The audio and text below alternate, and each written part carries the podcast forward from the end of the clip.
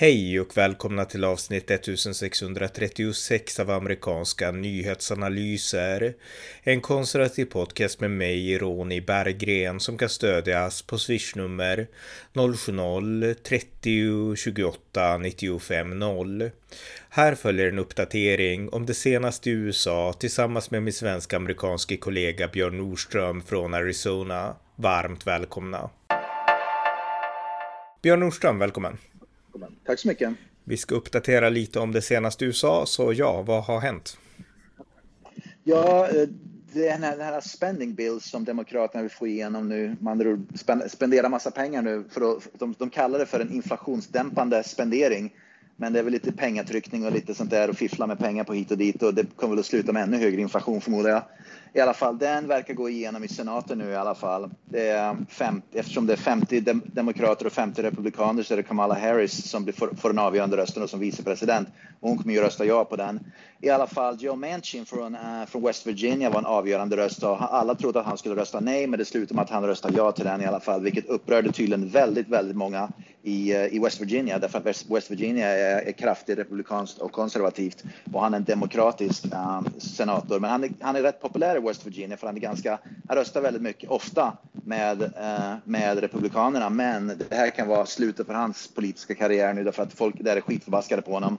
Och det kom just fram information att endast 1% av Joe Manchins, vad ska man säga, eh, fundraising, donationer kommer från delstaten West Virginia. 99 kommer från demokratiska uh, donatörer, dona, donationer utanför West Virginia. Så nu börjar det komma fram att han är i princip uppköpt av demokrater, rika demokrater runt om i övriga USA, inte sponsrad av uh, av uh, lokalbefolkningen i West Virginia när det gäller donationer för valkampanjer. Så att han ligger nog allt mer risigt till, tror jag. Han som, ändå är... Han, kommer...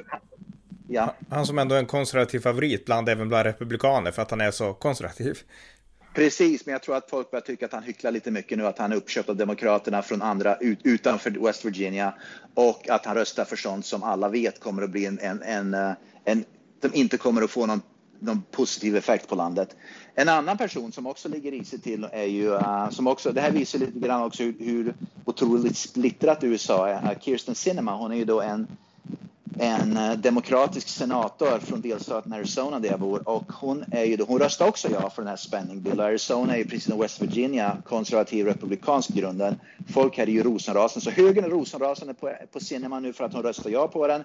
Vänstern är rosenrasande också på henne därför att hon röstar ja för den. Därför att i den där spending bill så ingår det också skatt, tax breaks, skattelättnader. Mm. vad gäller eh, räntor till exempel för de som har lite mer pengar, med andra ord citattecken de rika.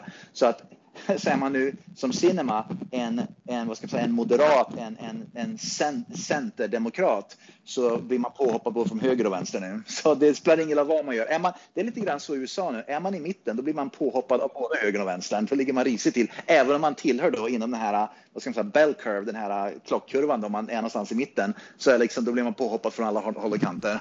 Ja, och det här är ju någonting som, just det här är ju väldigt, det här förslaget handlar också om eh, alltså sjukvård, att man ska liksom ja. fortsätta ge gratis mediciner och liknande, i alla fall skattereducerade mediciner eller kostnadsreducerade mediciner. Det handlar om klimatet, så att det är ju ett förslag som i mångt och mycket, man måste vara mittenpolitiker för att gilla allt där. Så jag menar, då blir det lätt att man hamnar i skottgluggen, som de här verkar göra nu.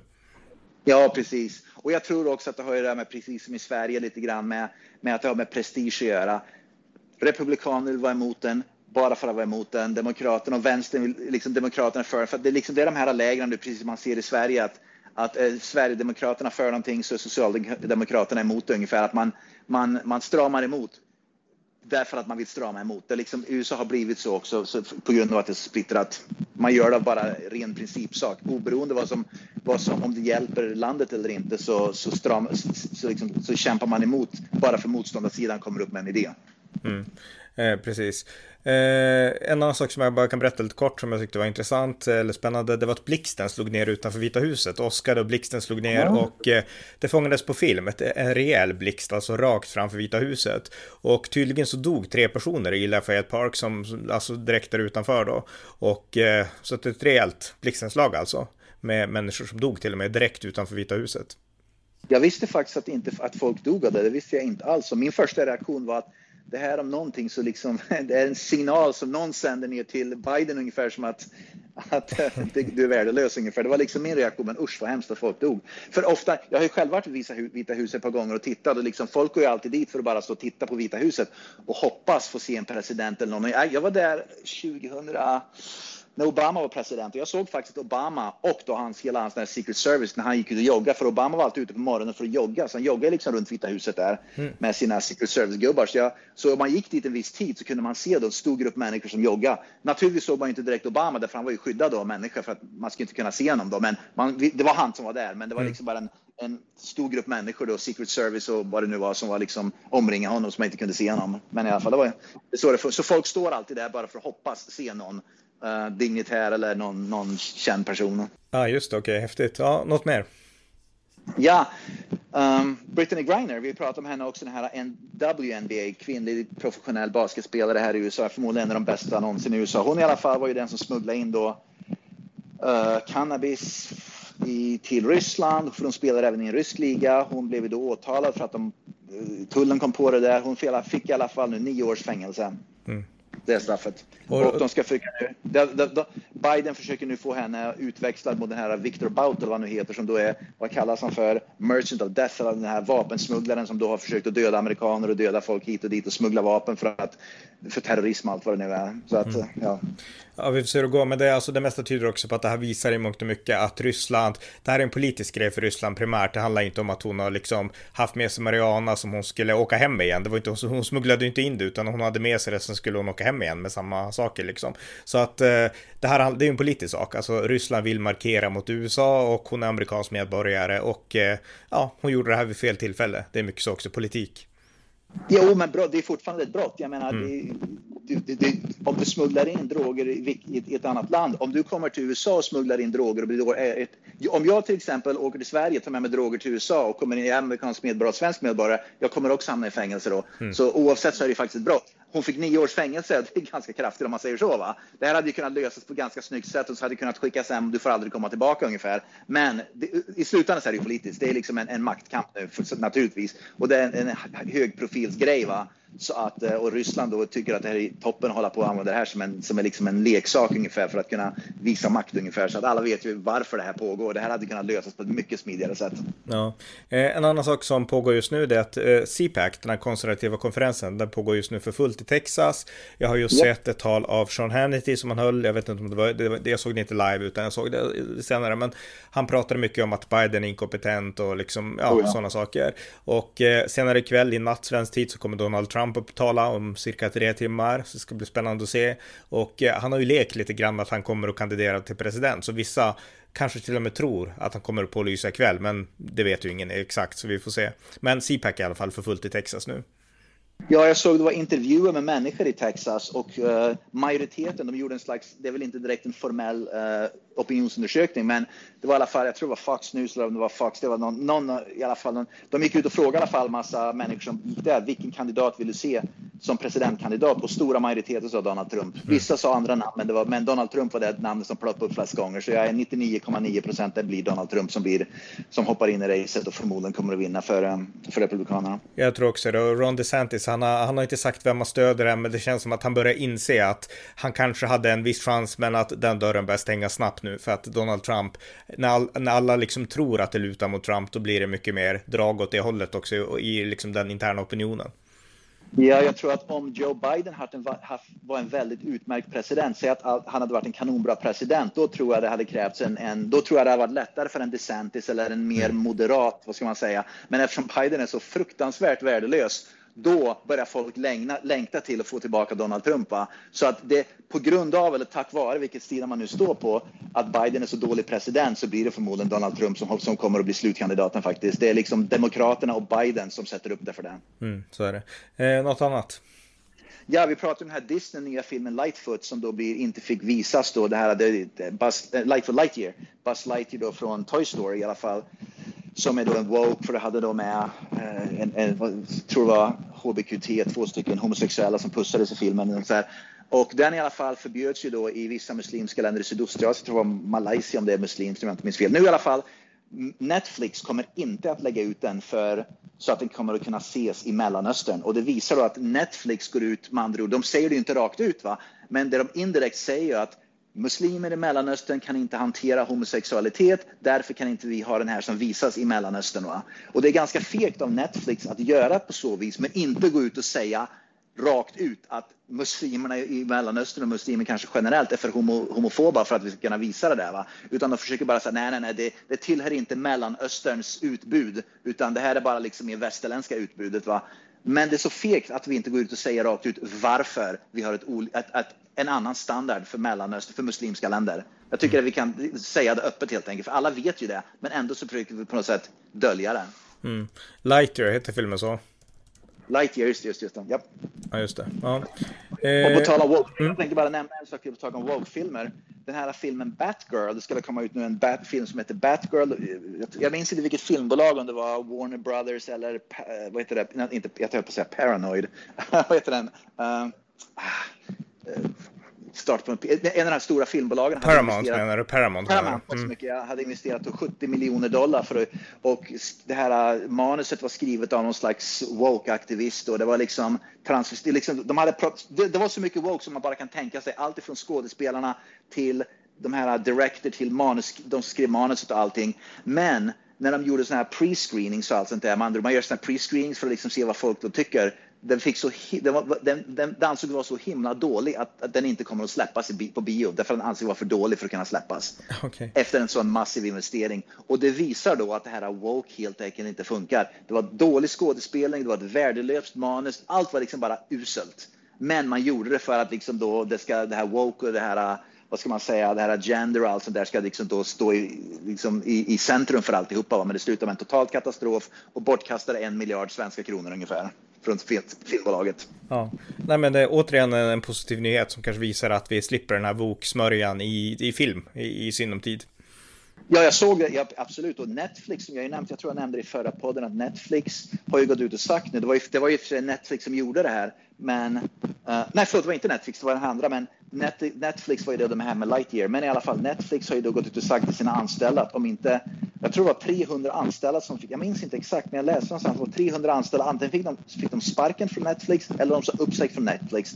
Därför att Netflix har gått ut och sagt att om vi tänker inte hålla på med det här woke längre, vi, vi gör ju filmer naturligtvis, men vi kommer också göra filmer som är anti-woke.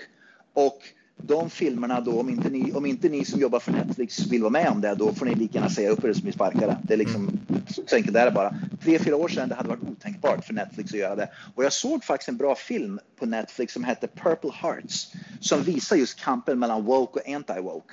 Um, jag, jag, jag, det finns på Netflix, heter Purple Hearts och det handlar då om en konservativ kille som då blir med i, som är då i armén, han ska till Irak och han är liksom då en, en, en amerikan som då är väldigt patriotisk och liksom då, han avskyr det här woke. Och sen så han träffar en flicka, en, en, han blir kär i en flicka då, en, en tjej, en kvinna, mm. som är då totalt woke.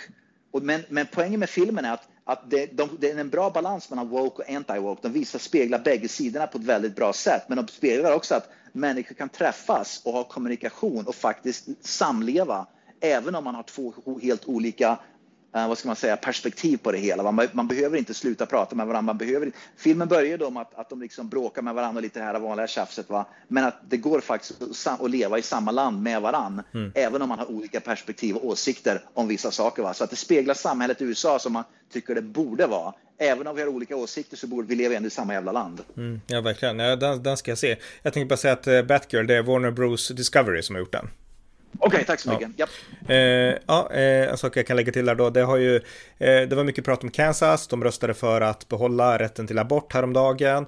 Eh, men Indiana, delstaten Indiana, de har nu infört ett hårt abortförbud mot egentligen alla aborter utom våldtäkt, incest och kanske någonting till. Och eh, den republikanska guvernören Eric Holcomb, han har skrivit under det nu. Så att nu har Indiana infört hårda eh, anti-abortlagar. Arizona har också gjort det, för de, de gjorde det direkt. Just det, okej, okay, okej. Okay. Mm.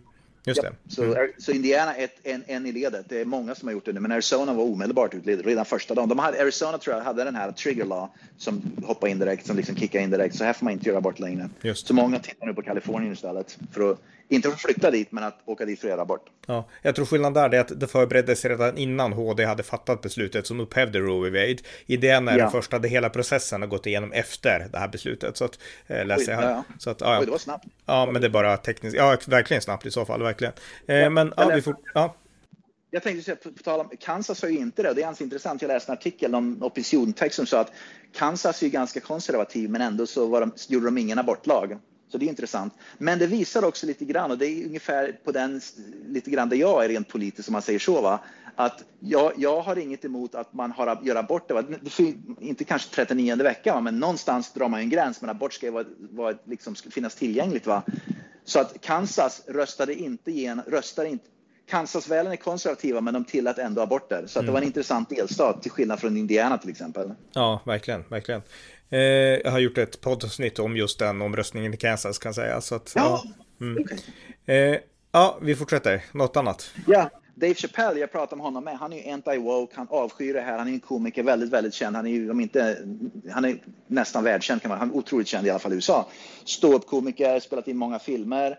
Han eh, driver med allt och alla. Han är ju den som blev, han blev ju då cancelled för att eh, han råkade skämta om fel sak. Fel sak betyder att han skämtar om vänstern, han skämtar om homosexuella, han skämtar om allt och alla, man bryr sig mm. inte. Men han i alla fall skulle bli cancelled på Netflix och för två, tre år sedan blev han cancelled temporärt på Netflix men sen så gick Netflix med att han inte skulle bli cancelled och då, det var då många anställda på Netflix som sa de vill inte längre jobba på Netflix för att de då ville att, att Dave Chappelle, han är svart kan ju nämnas, inte för att hudfärg spelar någon roll men i dagens värld på något sätt så spelar det faktiskt roll tyvärr. Men i alla fall, han, allt fler komiker nu går ut och ger Dave Chappelle stöd. Eh, så flera komiker, ståuppkomiker nu som är hyfsat kända i USA går ut och säger samma sak. Vi stödjer Dave Chappelle. Vi måste stå upp för yttrandefriheten. Vi kan inte göra cancel, liksom cancel människor bara för att vi, vi, vi driver med folk och med allt och alla, utan vi måste skydda First Amendment. Så och jag såg John Cleese, jag tror vi nämnde det, var du som nämnde det förra podden, var ett par poddar sedan i alla fall. John Cleese var ute också nyligen och pratade om det. Rowan Atkinson har varit ute och pratat med två kända brittiska komiker. Mm.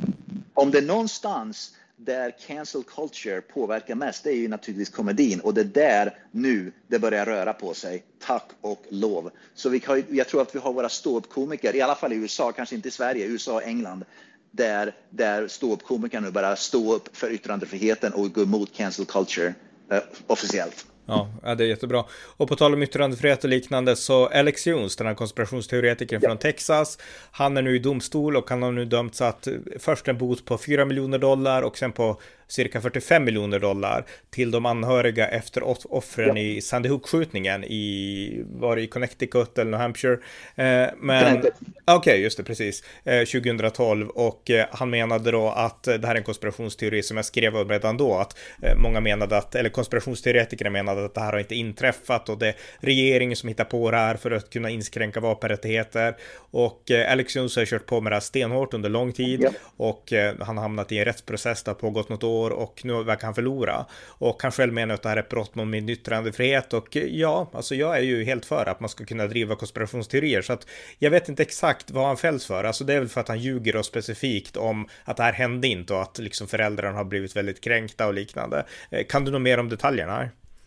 Nej, jag tror det, det är ungefär det jag har förstått av det hela med att, att det är för att han helt enkelt spred, sprider konspirationsteorier. Va? Det här kommer förmodligen att hamna i Högsta domstolen. Det är ett intressant fall därför att det handlar ju i grunden om First Amendment, yttrandefriheten. Va? Det här kommer förmodligen då att hamna i en högre instans och det här är förmodligen lägre instansen Sen kommer att gå upp. Om det hamnar i Högsta domstolen så är jag 99 procent övertygad om att han kommer att, att prevail, att, att, Alex Jones kommer att få rätt. Inte för att han kanske moraliskt och etiskt har rätt, men att han har rätt att yttra sig på det här viset. Därför jag ser inte hur det här kan bryta mot yttrandefriheten. Jag förstår faktiskt inte det. Um, jag, jag har svårt att förstå det också, men däremot det kan ha att göra något med att, alltså att han gick på de här föräldrarna specifikt, att det var det liksom, att, att de ljuger, alltså att de stämmer honom för förtal. Men jag är inte insatt i detaljerna, så jag ska inte yttra mig för mycket här, men, men det kan ha, jag tror att det har mer åt något sånt att göra än, än liksom just yttrandefriheten, tror jag. Min gissning är att det här kommer att hamna i en högre domstol så att det här är inte det sista vi hör om det hela tiden. Det kommer att tas upp i en högre domstol. Jag kommer att läsa på mer om det här över tid naturligtvis. Mm. Och han kommer inte ha råd att betala de här slutändan 50 miljoner. Han sitter ju inte på de pengarna. Han har, så rik är han ju inte. Så att det, hans enda chans är ju för, för, att få upprättelse på något eller annat sätt eller i alla fall för att kunna ta sig ur det här det är inte att betala för han har inte pengarna utan det är att gå till en högre domstol. Just det. Mm. Ja, vi får följa det här och försöka sätta oss in mer för det här är ju intressant ur många perspektiv så att eh, vi får göra det. Eh, ja. Något mer? Nancy, Kina har nu sanctioned, gjort sanktioner mot Nancy Pelosi och Nancy Pelosis närmsta vänner efter Taiwan-besöket. Inte helt oväntat, men i alla fall. Och jag såg att Kina idag, ah, nu glömde jag precis bort vad det var. Jo, de har sagt upp allt samarbete med USA, militärsamarbete och klimatsamarbete med, med USA nu. Mm. Inte för att Kina kanske var speciellt klimatvänligt innan, men i alla fall att Kina har nu sagt att vi tänker inte ha något samarbete om klimat med USA eller militärt med USA på grund av Nancy Pelosi. Så att, eh, hoten som de pratade om att de skulle göra krig, det kanske inte har gått igenom, men det, jag läste en artikel också nyligen nu att, de håller på, att, att det pågår, börjar pågå planeringar nu i Kina för att invadera Taiwan. Inte för, jag hoppas att inte det sker, men tyvärr på grund av det som har hänt mellan Ryssland och Ukraina nu, att västvärlden håller sig tillbaka. Det, det, det minskar inte direkt risken att Kina kommer att dra, dra igång någonting heller, va? utan Kina kanske känner sig lite uppmuntrad nu att, att västvärlden mest dragit sig tillbaka. Ja, men det här visar verkligen att vi får inte ge efter för Kina, därför att om de till och med spelar med klimatet nu, det är där vi vill samarbeta, så vi kan ha konflikt om handel, men vi måste samarbeta om klimatet. Nu visar Kina att allt de gör, det har att göra med deras egen ideologi, deras egen makt, och de bryr sig inte om klimatet heller. Inte om klimatet kommer före makten, så att jag menar, det är hög tid tycker jag att ta hård, hårda tag mot Kina nu. Ja, precis. Och, och, vi vet ju att det, det, är bara en tidsfråga innan någonting kommer att ske. För att jag tror inte att Kina kommer att liksom år efter år liksom finna sig i att... Jag tror att deras ambitioner är högre än jag tror att kanske... Man är naiv om man inte tror att Kina har högre ambitioner än, än, det som pågår just nu. Jag tror att deras ambitioner är högre. Och vi kommer snart att se någonting som börjar ske som är lite mer upptrappning än det, vi, än det som har skett hittills. Ja, ja verkligen. Eh, något annat? Jajamän, Texas börjar inte bara bussa upp, vi pratar om det här, Texas och Arizona, men Texas framförallt bussar ju upp migranter till Washington DC. Nu börjar Texas också bussa upp migranter direkt till New York City, därför att de tycker att New York verkar ju älska illegal invandring. Nu är det dags att de får, får lite, att de får smaka på den illegala invandringen med. Så Texas, de bara trycker på, folk kommer över gränsen från Mexiko in i Texas, in på bussarna upp till New York nu också. Så att det är intressant. Och New York klagar ju då på, på Texas guvernör och de skickar vidare de här migranterna. Det är alltså, det, vi har pratat om det förut, det är fullständigt bisarrt. Det är ett ekorrhjul. Alltså, de reser runt. Migranterna som vi pratar om kommer att sitta på massa bussar, bara bussar runt om i USA. Det är helt, när grundproblemet är Joe Bidens katastrofala migrationspolitik. Mm, ja, verkligen. Eh, här i Sverige så pratas det del om det här apkoppor, det som spreds från det man tror är eh, ja, eh, sexfester typ på olika parader och liknande i södra Europa ja. tror jag att det började. Och jag har ja. läst också att det börjar pratas om det här nu i USA ganska mycket. Stämmer det? Ja, det stämmer. Uh, jag tror att till och med Bidens, uh, vad heter det, Secretary of Health har nu declared uh, apkoppor som en emergency. Vilket liksom friar upp massa pengar då. Och så att snart kommer det bli masktvång säkert med och alltihopa. Vi är nog tillbaka till, till liksom 2019, 2020 snart. Ja, just det. Ja. Eh, något annat? Jajamän, en, en Black Lives Matter-aktivist, det här visar hur, hur, vilken, vilken ideologi det här är, va? har hotat en, eh, en journalist för New York Post så New York Post har skrivit mycket om Black Lives Matter, framförallt tagit upp mycket av, av korruptionen kring Black Lives Matter. Vi pratade mycket om det i poddarna förut, mm. att det är mycket korruption kring BLM. Då. En BLM-person som är i New York då hade spenderat 50 000 dollar på, på, på, på liksom, vad heter det, vakter, på security guards samma Black Lives Matter-person som säger att vi ska defunda polis och vi behöver inte, och folk ska, vi ska inte ha fängelse för människor och bla bla bla, allt det där tramset. Men själv har han spenderat 50 000 dollar för att själv ha vakter och hans officiella anledning när New York Post och tidningen då, det är en konservativ tidning i New York, uh, vad ska man, motpolen till New York Times. Mm. Och de i alla fall då kom fram till att de, de, de tog upp det där och då skyllde han på att det är vitmaktrörelsen är ute efter att mörda mig. Och den här Sean King som han heter, och han är i princip vit själv. Han, han, ser i princip, han, han är inte helt svart, han ser ut mer som en vit person. I alla fall, han i alla fall sa att vitmaktspersoner är ute för att mörda mig, därför måste jag spendera så mycket pengar på livvakter. Han i alla fall blivit påkommen med det där hyckleriet nu och den här korruptionen, så han har nu hotat på Instagram har han då hotat journalisten som, som grävde upp det där skopet. Då. Och det visar ju också. Och om det här hade varit en liberal journalist som blev hotad av till exempel en, en Donald Trump-supporter, det hade ju liksom varit huvudnyheter överallt i media. Va? Nu är det en Black Lives Matter som hotar en konservativ journalist och då döljs det överallt utom i Fox News ungefär och New York Post. Mm. och några andra outlets. Ja. Men det visar då att, att liberal media bryr sig inte ett skvatt om mordhot mot media och när liksom media då attackeras. Bara om det är liberaler som, precis som det här med att vänsterliberal media bryr sig inte skvatt om det är eh, om konservativa HD-domare hotas, som det vi pratade om förut. Va? Men om det hade varit en liberal domare, då hade det gått hus i helvete. Ja, ja verkligen. Eh, en annan sak som en tråkig nyhet, det är att en kongresskvinna, eh, kongresskvinna ja. Jackie Walorski från, hon är från Indiana, Indiana ja, precis, Indianas andra hon har dött i en bilolycka i alla fall. Eh, ja. Väldigt tragiskt. Jag kan inte detaljerna, jag har bara läst att hon, hon dog i en bilolycka nyligen. Det var hon och tre stycken, jag tror två eller tre stycken till. Chauffören för bilen, den som körde bilen, körde över på fel så att det var faktiskt tyvärr hennes bil. Så de körde på en väg och sen råkade de köra över på fel fil eh, och krock, frontalkrocka med en annan bil. Mm. Och uh, det var så det skedde. Så att det var hennes egen. Och på tal om bilolyckor, jag nämnde för, någon, för ett par poddar sedan att Nancy Pelosis make uh, var inblandad i en bilkrock och han var ju full och så vidare. Han var, körde ju rattfull och allt vad det nu är. Han i alla fall Eh, jag har läst två olika, det finns olika historier så jag vet inte vilken som är sann, men det ena sa att han var bara, att han bara hade alkohol i blodet och sen finns det en annan rapport som kom ut och säger att han hade både alkohol och droger i blodet. Så jag vet inte riktigt vilken som är sann. Oavsett så kommer han ju nu naturligtvis åtalas för, för rattfylleri eller drogfylleri eller vad det nu är. Så att eh, på tal om politiker och, eh, och bilkrascher, för att mm. han körde på någon en personen som han körde på dog inte utan skadades bara. Men det var i alla fall en, en svår olycka mm. som han orsakade. Ja. Eh, ja, eh, något mer? Ja, Donald Trumps eh, kandidat här i Arizona, dels, delstaten Arizona, då, det var ju ett primary, jag röstade, jag röstade där primary för, för några dagar sedan. Och Donald Trumps kandidat för guvernör, republikanska kandidaten för guvernören, Carrie Lake, vann i alla fall. Så att Donald Trump har fortfarande stor makt över, och jag såg i väldigt många delstater, inte överallt alla kandidater, men väldigt många kandidater i olika delstater som Donald Trump stödde slutade som vinnare i, uh, i delstatsval, i, i primary, Republican primaries. Så mm. att han har fortfarande stor, vad ska man säga, inflytande över Uh, över vilka kandidater, hur det går för kandidaterna. Ja, ja verkligen. Jo, det vart en segerrik natt för Trumps kandidater i tisdags.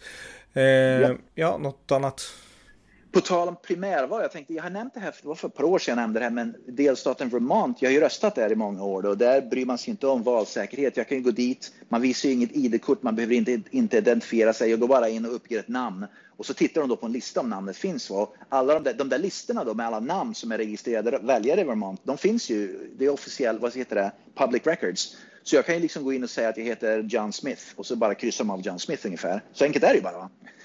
Eh, så där tar man valsäkerheten väldigt, väldigt vad heter det, slapphänt. Man bryr sig inte om egentligen någonting, utan man bara går upp i ett namn, sen går man och röstar. Va? Jag, gick, jag, gick, jag, gick gick och röstade på primärvalet här i Arizona i tisdags. Och det var det första primärvalet, eh, första gången jag röstade här i Arizona.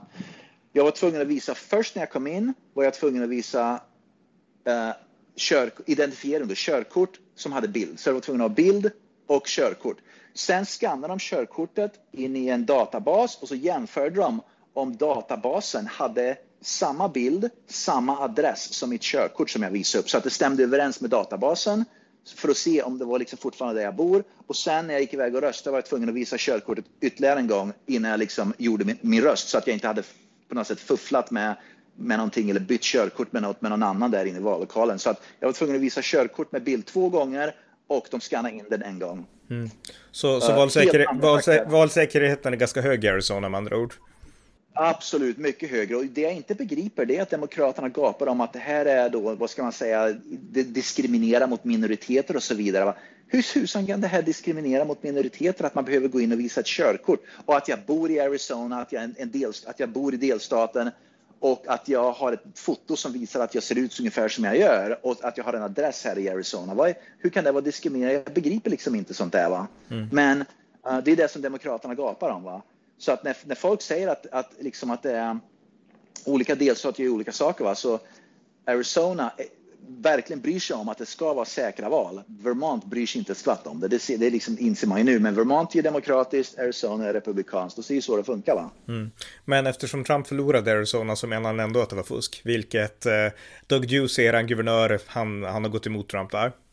Ja, jag, jag har svårt att tro det. Det är mycket lättare att fuska i Vermont än i Arizona. Så om man ska om man ska, vad ska man säga, anklaga en delstat för att det ska ske valfusk, då är det Vermont eh, man ska anklaga, inte Arizona. Men Vermont har ju inte tillräckligt många, många electoral votes för att påverka någonting, så det spelar egentligen ingen roll vad som sker där. Va?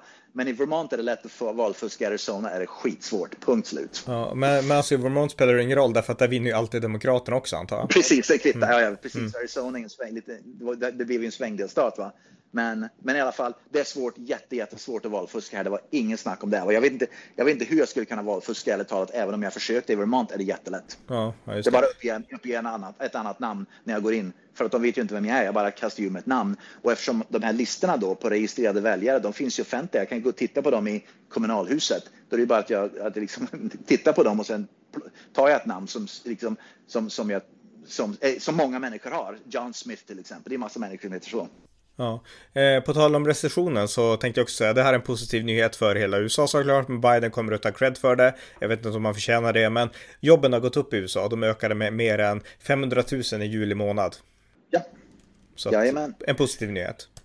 Oh, absolut. Det är, det är en väldigt konstig situation som sker i USA nu. Arbetsmarknaden är helt otroligt bra. Den är, liksom, den är glödhet, va? men inflationen är hög och bostadspriserna är höga och hyrorna är höga. Det är bara en konstig situation. Jag har aldrig upplevt det här i USA förut faktiskt. Eh, det är liksom en lågkonjunktur på ett sätt, men, men på grund av att arbetsmarknaden är så jäkla bra och folk anställs istället för att få sparken så är det inte en, låg, en riktig lågkonjunktur heller. Va? Så det är en väldigt konstig typ av definition när det gäller lågkonjunktur eller inte. Det här passar liksom inte in i ett mönster som vi har sett tidigare tror jag. En lågkonjunktur tycker man ofta att då ska det vara massa människor som förlorar jobbet och liksom det ska vara hög arbetslöshet och liksom vissa sådana saker måste ske. Men det gör inte det nu, som att det är hur lätt som helst att få ett jobb. Jag tror arbetslösheten i USA är väl 3,5 procent och i Arizona är den under 3 procent. Mm. Ja. ja. En sak till när vi pratar om bussning av, eh, av illegala till Washington DC. Nu läser jag att Pentagon de sagt nej till eh, Washington DCs begäran om att få hjälp från nationalgardet. Det är tydligen Pentagon som beslutar om det där. Eh, och de har ja. sagt nej. Och jag, vet inte, jag har inte hunnit läsa artikeln varför. Men, men det är intressant att de menar att det här får ni klara själv. Det här är inte en försvarsfråga. det hade jag faktiskt inte hört talas om. Det är intressant, att, men det är intressant också att, att, att uh, det här hamnar ända uppe i Pentagon, att de måste ta upp sånt här. Och, vi, har nämnt det så många gånger, grundproblemet är med Joe Biden, han måste ju lösa problemet vid gränsen. Så att det, liksom inte, det här är inte ett Washington DC-problem, det här är ett gränsproblem mm. i grunden. Ja, exakt, exakt. Eh, ja, något annat? Ja, vi pratar om det här med gun sales och att våldet då i demokratiska delstater går ju upp kraftigt nu och har gjort så under ett par år.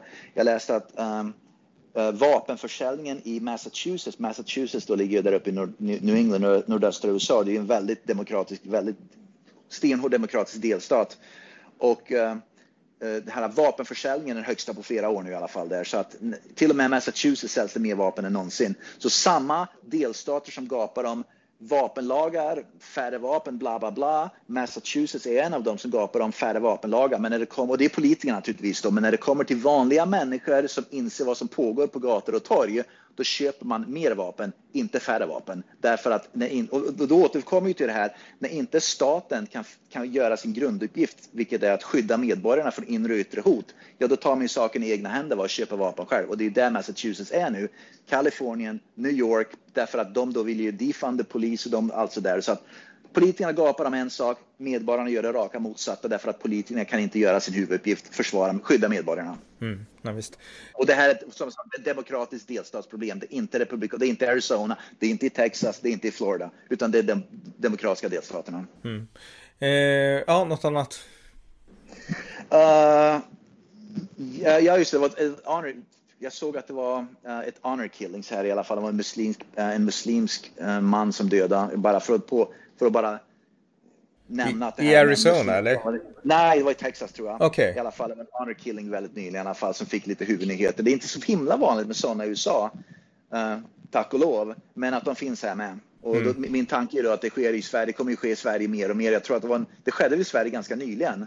Uh, tror jag också. Ja. Någon, någon, någon, ja, precis. Men i alla fall, det sker här i USA med och det återigen visar ju att invandringen av muslimska kulturen skapar nya intressanta problem. Mm.